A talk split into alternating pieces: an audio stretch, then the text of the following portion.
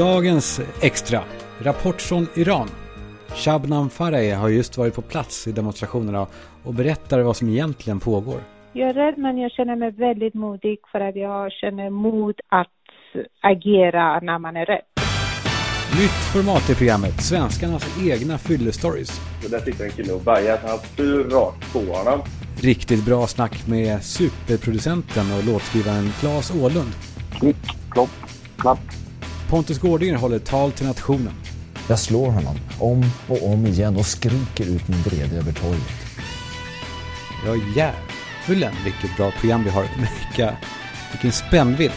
Men först av allt så skulle jag vilja bolla en grej med. Jag var ute med våran cocker spaniel Nicky häromdagen. Så fick vi möte då med andra hundar, andra små pälsklingar. Ja, det går alltid till på samma sätt. Man säger, ja vad fin, hur gammal är han och hon är den. Och den här gången så var det en liten släthårig tax eh, som fattade tycke för mig och, och kröp uppåt mig och boffade mig på smalbenet. Så jag böjde mig ner och, och tittade upp mot, mot matte och sa oj vad, vad fin. Och så klappade jag men så kom jag på mig själv med att fan, nu klappar jag ju inte längre. Nu drar jag huden över ryggen på den här glänsande bruna saken. Och jag såg att hon såg vad jag tänkte att det jag håller på med nu det är ju inte att klappa. Det är ju det är ett handjobb. Jag håller ju på liksom onanera den här hunden. Alltså det slog mig verkligen när jag gjorde det. Att fan det här, den här känslan av, av, av hud som rullar över liksom ett hårt innanmäte.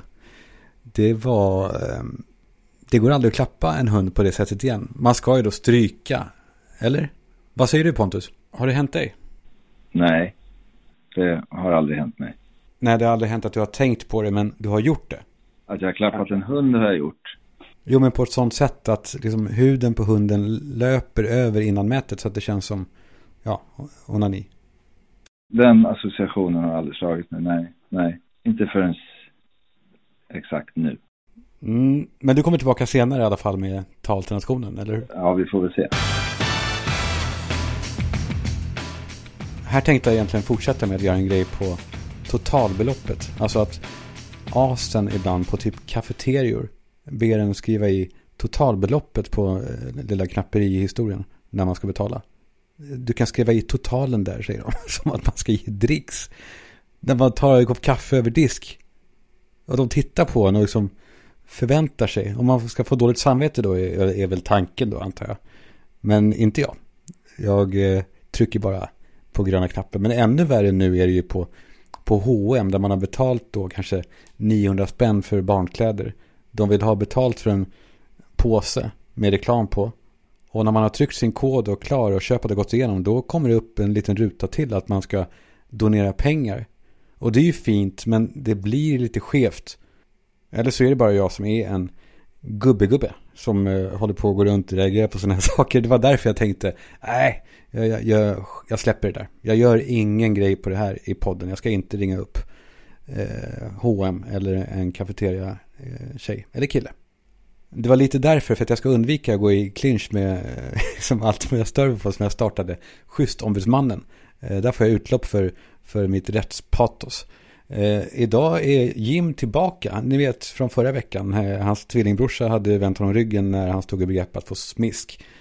Nu har han en orättfärdighet till i magen. Det vi har är följande.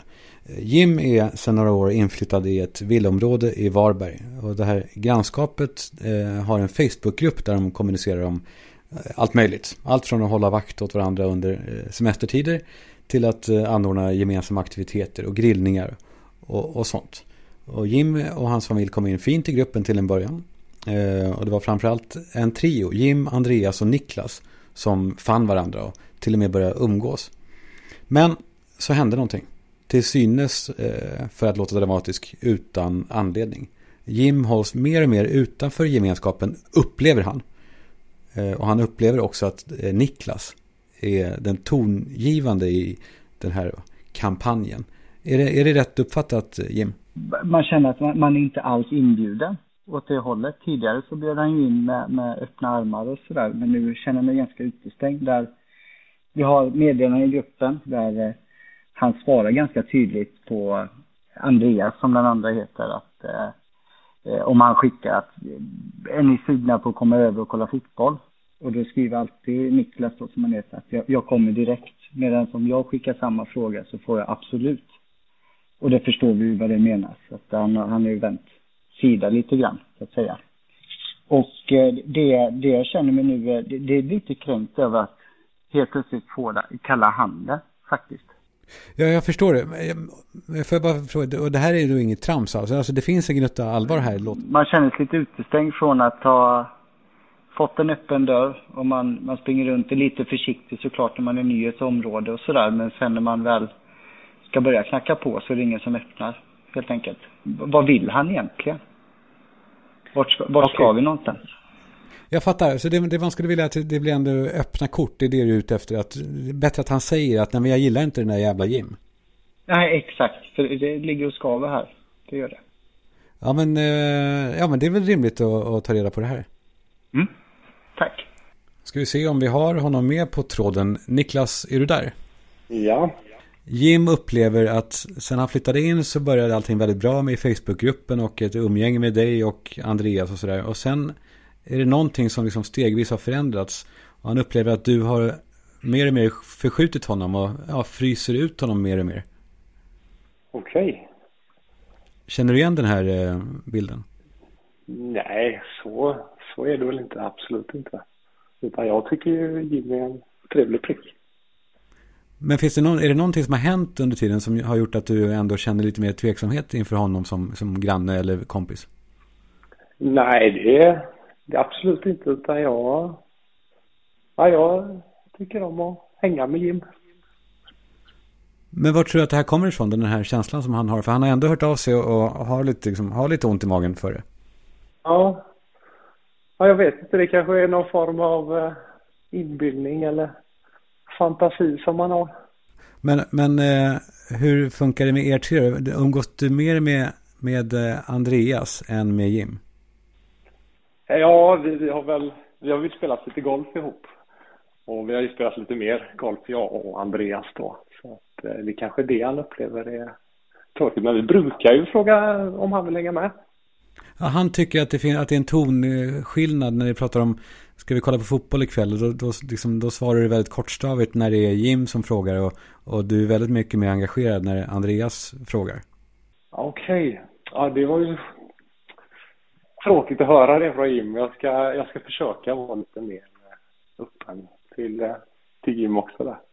För han känner så här att om det är så att du inte riktigt gillar honom så är det bättre att han vet det så han kan backa. Ja, ja absolut. Nej, men jag, jag, jag gillar Jim så att eh, så ska han absolut inte känna. Så han har absolut ingen anledning att känna, känna sig lite utanför tycker du? Han är en snöflinga, han är en lättkränkt jävel kanske. Så kan det ju vara. Ja, jo, jag skulle nog tippa på att han är lite mer av en lättkränkt jävel i så fall. Men efter det här samtalet då mellan dig och mig, eh, kommer du höra av dig till honom och ja, kanske sträcka ut en hand så, så att han känner att han är, att han är med i gänget? Ja, men det, det ska jag absolut göra. Det ska jag göra. Ja, men då så. Där har vi det. Då, är det, då har schystombudsmannen gjort sitt jobb. Ja, ja, tackar. tackar. Tack, ha det bra. Ja, ha det gott. Hej. Vidare i Extra, Pontus Gårdinger, han är tillbaka med ett nytt tal till nationen. Den här gången så vill han prata med oss om våra medborgerliga skyldigheter. Varsågod Pontus. God afton. Jag besökte Örebro i helgen. En vacker stad i hjärtat av Bergslagen, omgiven av välmående bruk och rika malmfynd. När jag efter en bättre måltid skulle ta mig tillbaka till hotellet upptäckte jag något förunderligt. En ung grabb, aldrig mer än 18 år, står i färd med att slå en liten tant sönder och samman. Han har sikte på en handväska som damen har i handen och slår henne i huvudet för att hon ska släppa taget. En hemsk scen. Jag bär med mig minnesbilderna än idag. Jag vandrar förbi denna ungdom som med kuslig precision måttar slag mot en gammal dams panna och upptäcker att det finns ett ögonvittne till allt detta. Bara några steg bakom händelsen står en man i yngre medelåldern. Han ser med viss skräck våldsscenen äga rum alldeles intill men han gör absolut ingenting åt saken. Han agerar inte överhuvudtaget. Han överväger att göra det. Jag märker det på hans blick. Men så vänder han på klacken och springer från platsen. Busen står fortfarande och matar mot tanten som börjar bli ordentligt mörbultad. Men ögonvittnet flyr. Den vrede jag där och då känner går inte att jämföra med något annat jag tidigare upplevt i mitt liv. Jag sätter fart efter ögonvittnet. Jag saxar skickligt mellan några bilar och andra hinder och ikapp honom efter tre kvarter. Jag fäller honom till marken och sätter mig på honom. Jag upplyser honom om att det är en medborgares skyldighet att ingripa när man blir vittne till dylika övergrepp. Så smäller jag till honom över munnen. Kanske ryker en tand eller två som han hostar ut på asfalten. Så drämmer jag till honom igen. Och hepp, där försvann ytterligare någon tand. Så vredgad är jag över denna fega krake att jag höjer rösten.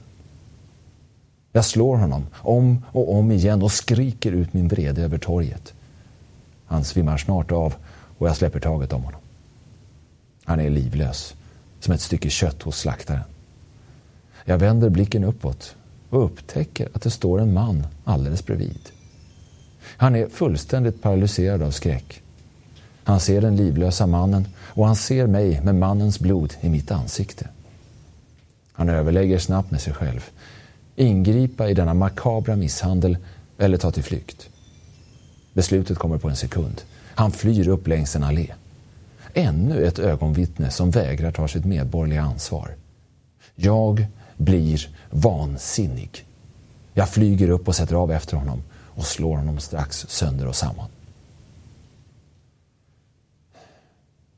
Vi får inte blunda för oprovocerat våld av den här typen. Var rädda om varandra där ute. God afton. Fricke hörde av sig, Christian alltså. Han är chef på Boka Direkt. Vi smsar inför varje inspelning och han eh, sa den här gången att du Kalle, fan skit i det här. Säg bara bokadirekt.se tio gånger i rad eller någonting. För att jag lyckas tydligen inte göra mig förstådd. han är han bara garvar åt mig. Att jag är tydligen usel på att förklara vad det här friskvårdsbidraget faktiskt innebär. Men jag tänker fan inte ge mig. Friskvårdsbidraget, det är alltså så här. Det brinner inne den sista december. Så ni går in nu på bokadirekt.se, köper ett friskvårdskort, lämnar kvitto till chefen, får tillbaka pengarna. Och så använder ni eh, de här tjänsterna då inom ett halvår. Alltså gratis. Annars försvinner det bara. Så på, gör det. De flesta har ju friskvårdsbidrag. Så låt det inte bara försvinna. Och visa nu den här jävla Fricke då. I alla fall. Att det händer något. Att ni har fattat. Att jag inte sitter här och bara svamlar. Okej? Okay? Snälla. Det, alltså. Snälla säger jag. det är ju för er skull för fan. Ja. Tack i alla fall. Boka direkt. Och Fricke. Vi hörs. Tack också weird.com. Eh, Fars dag coming up. Vilket såklart firas på sajten. Och man har nu gjort en egen take på det här med Fars dag. Eh, som går så här. You can't choose your father. But you can always choose your daddy. Vilket ju är jävligt snyggt ändå. För det handlar ju inte om att man måste köpa en present till sin pappa. Utan att vi alla kan vara daddies. Så köp något fint till någon kille som du tycker om. Eller till dig själv. Unna dig lite, för fan. You can't choose your father. You, you can't, you can't, you can't choose your, You can't choose your father. You cannot choose your father, but you can always choose your daddy. I'm your daddy. if you want, I can, I can be your daddy. I'm, I'm your daddy. I'm your father. BJ Singh and I take you on my tuk-tuk to secret island secretislandweird.com where you where you can buy with a secret discount Carlet 20 you want you want you want a discount? You want you want to buy something else? You want you want, come closer. You want to buy you want to buy MDMA no I'm no I'm just kidding. Or uh, am I kidding? I don't know. You want Tack, weird.com.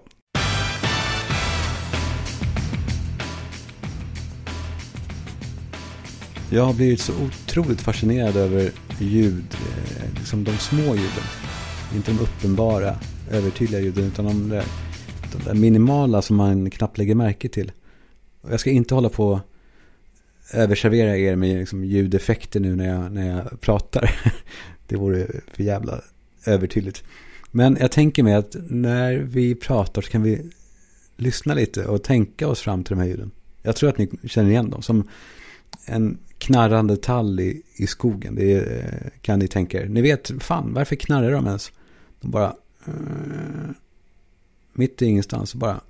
Uh, eller, uh,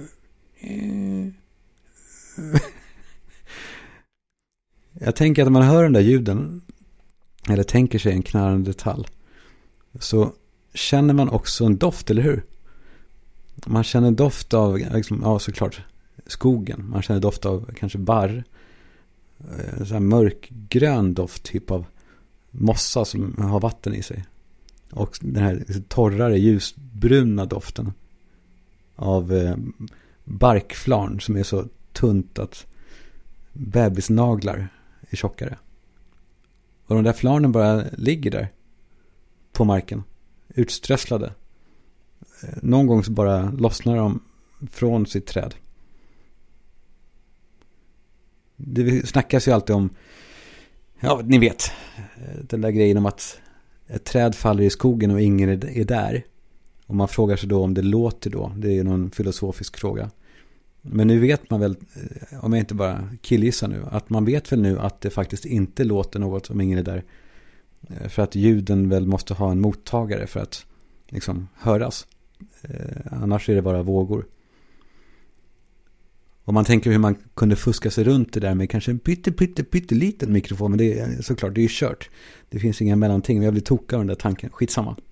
Doften i skogen. Eh, det är liksom någon sorts snäll förruttnelse va. Och det är också inte bara naturlig doft utan det är också doften av liksom gummistövel som var blöt i förrgår och som har torkat. Torkskåp. där. Där har vi doftminnen alltså. Doften av otroligt torr sand som har ramlat av galonbyxor där inne. Och då hör man hur det knäpper och tickar i skåpet när man har stängt av det från den där ratten. Det, som på en gammal bil.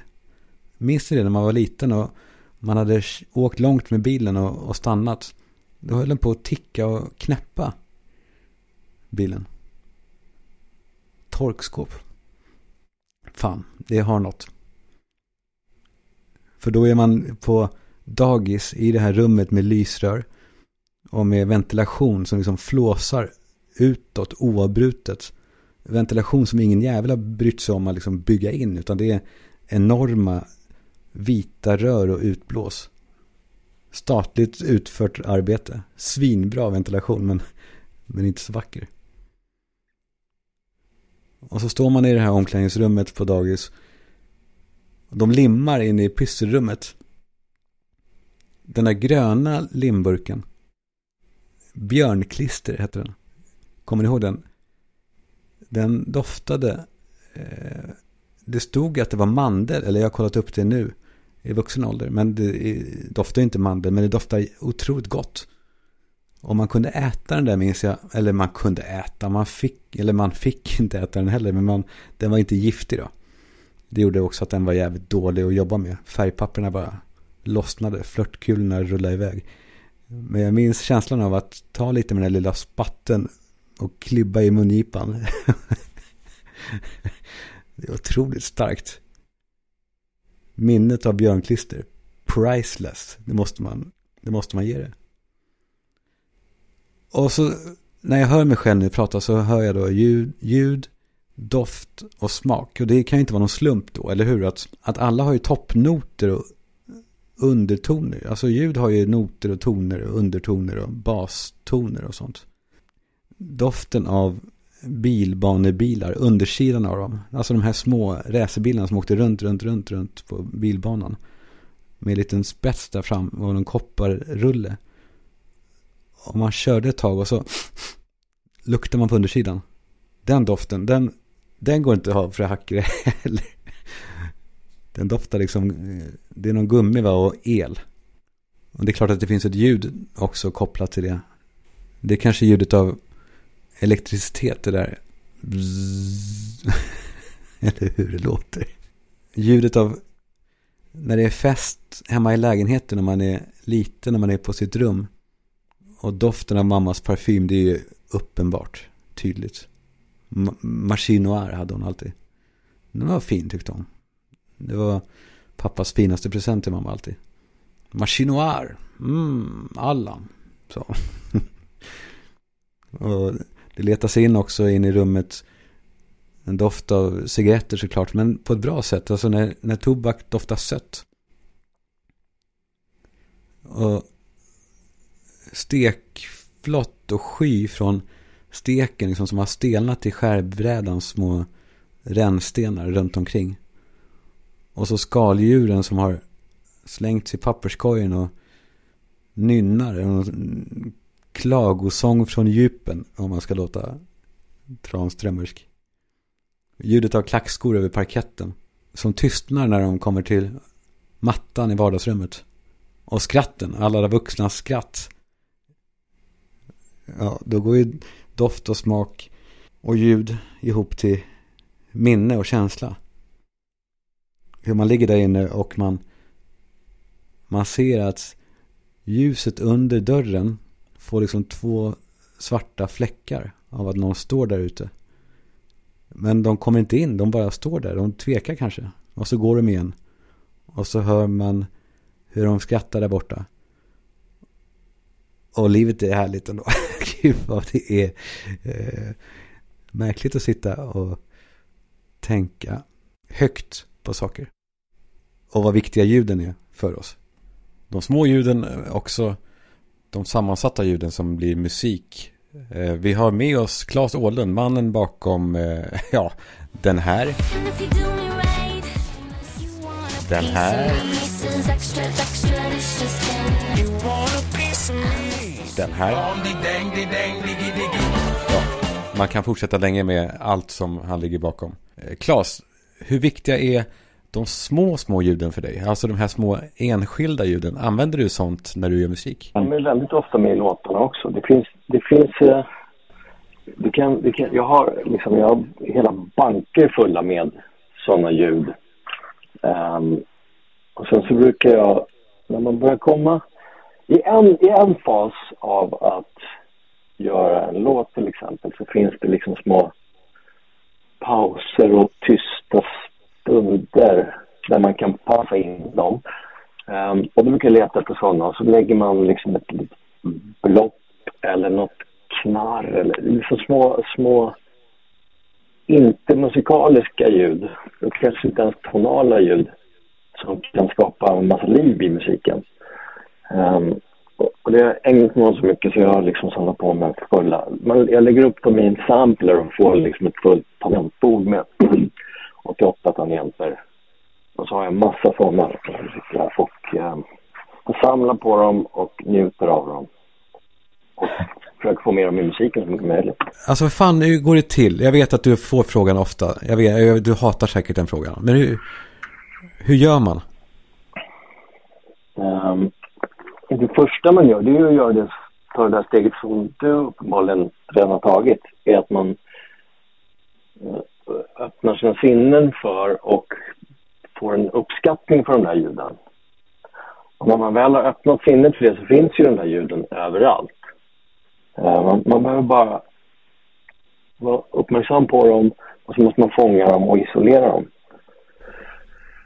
Så, så, att ett litet sånt här ljud, det skulle kunna vara början på en, eh, en, eh, en ny låt till Robin? Verkligen. Det, var en, det finns ju en låt som är eh, kanske det tydligaste exemplet på det. Att det, finns, det finns ju, om man ska ta ljud i, i en bredare bemärkelse. Jag var, jag hade tvn på i bakgrunden. För det var lite, jag satt i ett hotellrum och jag var i Los Angeles. Och då brukar jag ofta så på morgnarna när jag har jetlag så har jag några timmar där, där liksom innan alla andra vaknade och får ganska mycket gjort. Kanske förbereda mig för dagen eller bearbeta någonting jag gjorde dagen innan. Och så var tvn på. Jag skulle spela in någonting. Så då kom det lite svans innan jag började sjunga det som jag skulle sjunga. Där en gubbe på tvn sa... My drinking is killing me. Så. Um, och så, liksom när jag satt och redigerade så hörde jag, fan, my drinking is killing me. My drinking is killing me.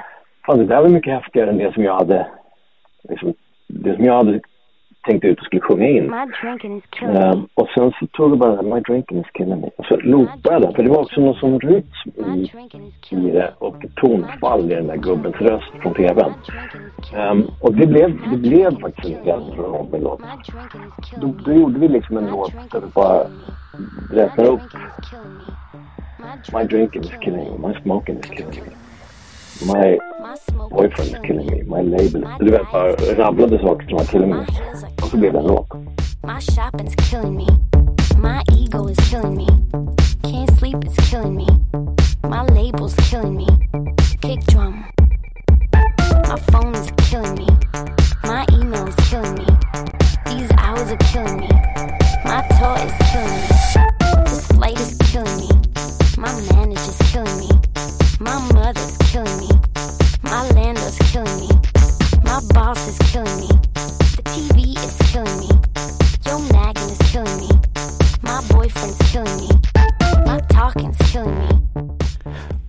Har du mer för, för exempel på um, ljud, ljud som du har i ditt ljud, ljudotek?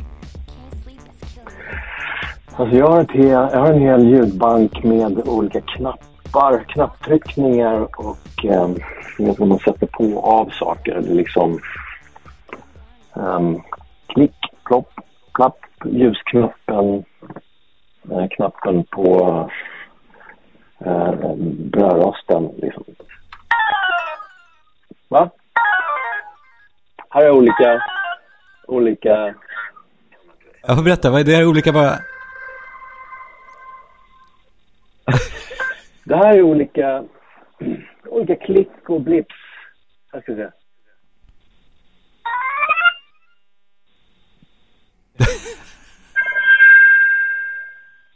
Fantastiska ljud. Och, vad- vad- precis, och då, då kan du lyssna på det här lite om och om här ljudet var det bästa hittills. Lyssna. Okej, så från att du har det ljudet, då skulle du kunna utgå från det och bara... Oh ja. Men det, alltså, eh, jag, att få in sådana där ljud i musiken är, är för mig ett sätt att liksom besjäla den. Bortom liksom toner och instrument och, och klanger så är det liksom det är, något, det är något ännu djupare i de här. Här till exempel, här har jag ett eh, ljud som är ja, men det, är, det här är klassiskt ljud. Det kan ni göra själva hemma. Men det är vet, när man formar munnen till ett O och så knäpper man sig själv på kinden. Lyssna. Är, är det där du nu eller spelar du upp det? Nej, det där, det där är, i, min, i min ljudbank. Försöker man alltid göra en, en hit? Nej, men det, det är liksom... Eh, försöker man göra mål eller försöker man spela bra? Man gör, man gör det bästa man kan. Sen så vet inte jag vad som blir en hit. Det är inte så att, att jag vet liksom, om jag gör så blir det en hit, om jag gör så blir det inte en hit. Däremot kan jag känna, om vi hittar ett ännu mer specifikt sätt att formulera det där som du känner just nu så kommer det bli en ännu starkare upplevelse för lyssnaren. Eller om vi hittar en bastrumma som skakar rummet mer så kommer det bli roligare att dansa till. Det är mer så. Det är, det är liksom, och sen kanske summan av de där besluten gör att det är har större chans eller mindre chans att bli en hit. Men jag, jag har aldrig tanken på ifall det ska bli en. Du kan också lita på dig själv uppenbarligen med eh, alltså hit, hit efter hit och Grammys och du, du är ju belönad och du behöver bara fortsätta va? Så känn, eh, eller? Vad gullig du är, tack. Nej, men jag, jag, jag, jag har haft äh, jättemycket tur att liksom flera gånger få till det och fått vara med i sammanhang där saker som jag har gjort har blivit liksom, vad heter det, objektivt sett dokumenterat hits. Um, men det har ju också, det har, det har ju också väldigt mycket att göra med var den artisten är i liksom en, ett kulturellt sammanhang och hur liksom relevant den är och liksom hur spännande den är. Um, mycket av de här liksom, olika P-ljud och bastrummeljud och sånt där som jag ägnar mig åt är liksom det är det som händer under huven så att säga. Ja, det är kul för nu har vi ändå, vi lyssnare fått en, eh, en liten inglimt. Um, eller hur? Det är en redskap ni behöver för att själva göra hits. Du, tack snälla Claes för att du eh, gav oss en liten inblick. Vad pågår egentligen i Iran? Det känns ju som att det är omöjligt att ta reda på. Jag har försökt läsa varenda tidning och titta på varenda program som finns. Men allting är lika diffust och allting baserat på gryniga små eh, filmer från Twitter som påstås komma från ett universitet. Det stämmer säkert men det är svårt att få en bild av hur det verkligen är på plats. Och då måste man ju prata med någon som vet hur det är på plats. Jag ringer Shabnam Farey. Eh, hon kom från Iran i söndags och kan ge direkt information om vad det är som egentligen pågår. Shabnam, hur är stämningen nu? Stämningen var på ett vis som gjorde mig väldigt hoppfull den här gången. Jag kände det här är som en eld som inte går att släcka utan kanske det blir tyst ett väldigt kort tag men det kommer att komma upp någon annanstans. De här, vad heter det, moralpoliserna eller sedlighetspoliserna, har du råkat ut för sådana? Det har jag gjort för länge sedan men eftersom sen dess eh, har jag varit väldigt, väldigt försiktig och rädd då har jag inte råkat eh, för det mera. Men eh, ja. Men hur ser de ut? Alltså, hur ser man, kan man säga att det där är en sån? Eller är de civila? Hur, hur, hur funkar det? Nej, man, man, man, ser det, man ser det och eh, man måste, alltså planen är att man borde se dem för att bli rädd. Alltså det, det är liksom en strategi för att eh, skrämma folk. Kanske själva saken i sig själv är inte lika viktigt än att skrämma folk och inte eh, låta dem göra motstånd. Eh, och eh, de är läskiga, de har liksom stora bilar eh, som, liksom om du tänker polisbilar i Sverige som plockar eh, folk i det, de ser likadana ut och, eh, och då har man några skäggiga män i uniform med några kvinnor i långa liksom hur ska jag beskriva för en svensk hur det ser ut? Det är som en tält liksom. Lång svart tält. Och det är som en stor tyg, svart tyg som man täcker sig med. Och eh, då kan de komma fram. Ibland är de snälla och försöker att leda en snäll och berätta om hur dåligt det är för en kvinna att visa sitt hår och sådana saker. Men ibland är de väldigt brutala och kanske tar in någon i bilen och sen vet man inte vad händer. Och så det finns också kvinnliga moralpoliser? Ja, ja visst. visst. Det är oftast de som drar in i bilen, liksom, drar en i bilen. Så. Och, och, och, man vet inte vad som händer då när man blir bortförd. Då får, får familjen veta vad, vad som har hänt eller hör de av sig? Ja, eller?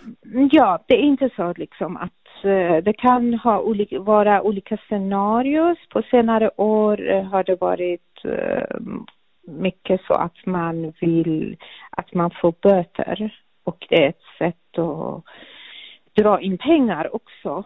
Och, men som det händer med massa, då det har hänt nog, det kommer många kvinnliga berättelser från kvinnor att man har blivit slagen, man har blivit Eh, förolämpad, man har fått höra väldigt fula ord, har blivit fysiskt eh, utsatt också.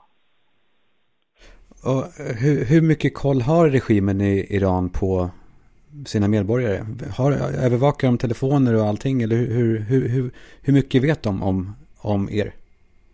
Regimen har lyckats att få folk att tro att de har stenkoll. Jag har varit väldigt försiktig själv. Vi får se efter den här intervjun.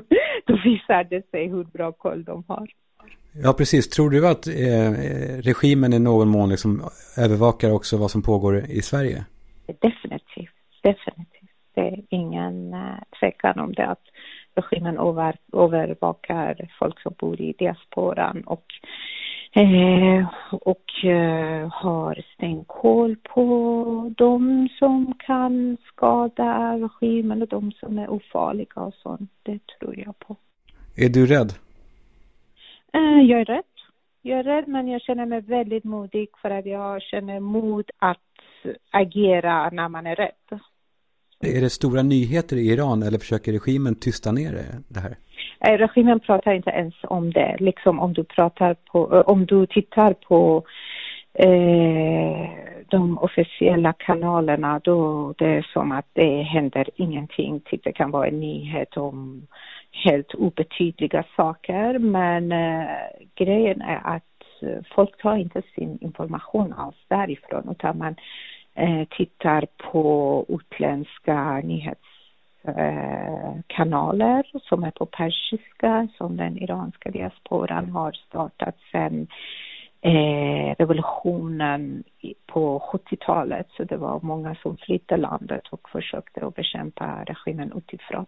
Så man tar sina nyheter därifrån och från sociala medier, framförallt Twitter och Instagram. Fast det mm, liksom, de stängde ner men liksom folk försöker ändå med VPN och olika sätt koppla sig till det. Vad säger, vad säger männen i Iran nu, alltså eh, civila män? Är, är de, stöttar de upproret eller vill de att eh, slöjorna ska fortsätta bäras? Jag är så stolt idag att jag är kvinna, jag är kurd, jag är iranier. Jag bara känner det är den bästa kombinationen som finns just nu. Och när jag var där, jag bara kände mig så stolt och jag kände att män visade sin, eh, de verkligen visade sin uppskattning. Och för mig var det som att för första gången i världshistorien, kanske det är för stort, men det är känslor som kommer upp nu, att män har fattat kvinnokraften. Och då pratar jag om det generellt, jag pratar inte om det just i Iran, men jag bara känner att det är första gången som kvinnor har fått så mycket uppskattning. Eller att män har sett hur modig, hur orädd, hur häftig den kvinnokraften kan vara. Och eh, det fick jag genom människors blick, genom vad de sa till mig, uppmuntran och så. Bär du slöja i, i Sverige eller nej, ibland ändå? För att du vill? Nej, nej, nej. Nej, nej, nej. Jag har aldrig velat. Jag har blivit tvungen till det sen revolutionen. Så jag har aldrig velat det och nej, det gör jag inte.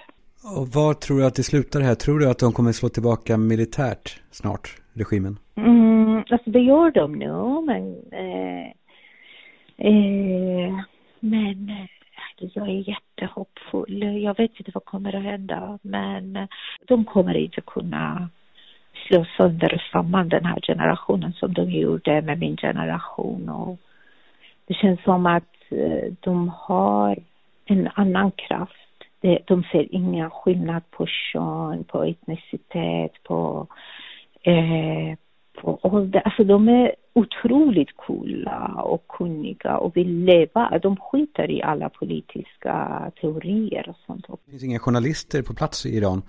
Varför, varför sviker de sitt uppdrag tror du? Eller, eller tycker du att de sviker sitt uppdrag, journalisterna?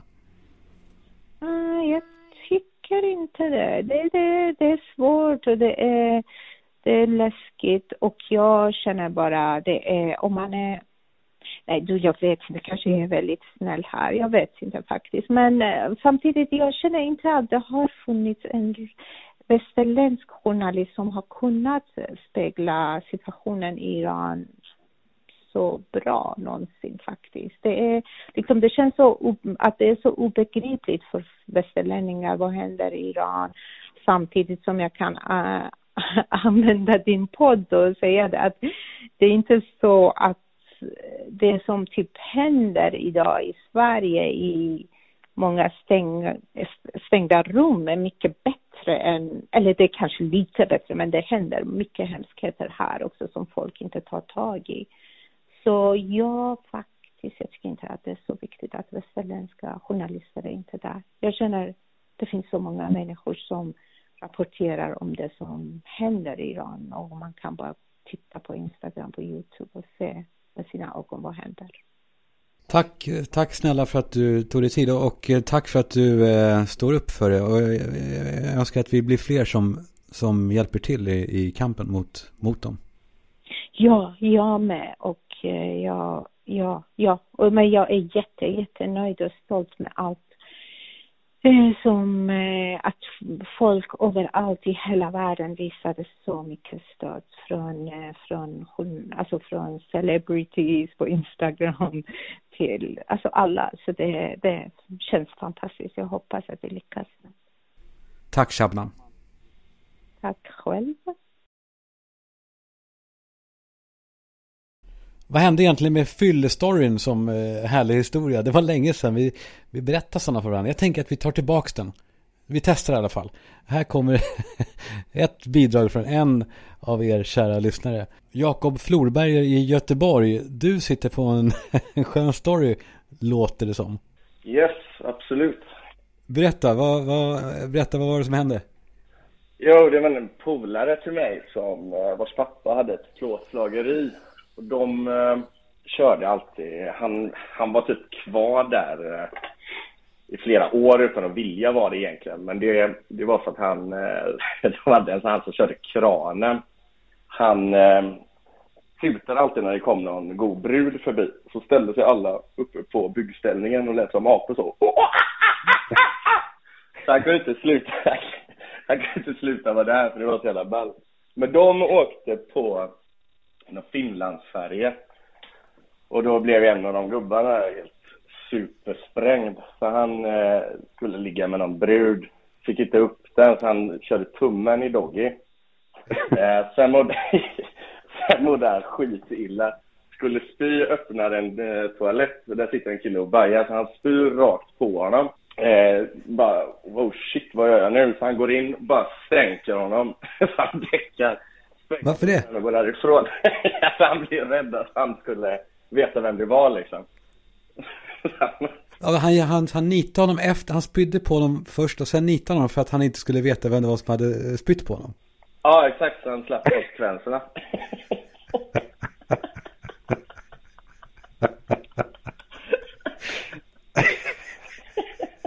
ja, det... ja, det, det var jävligt bra. vi säger så. Ja, det gör vi. Ha det gott.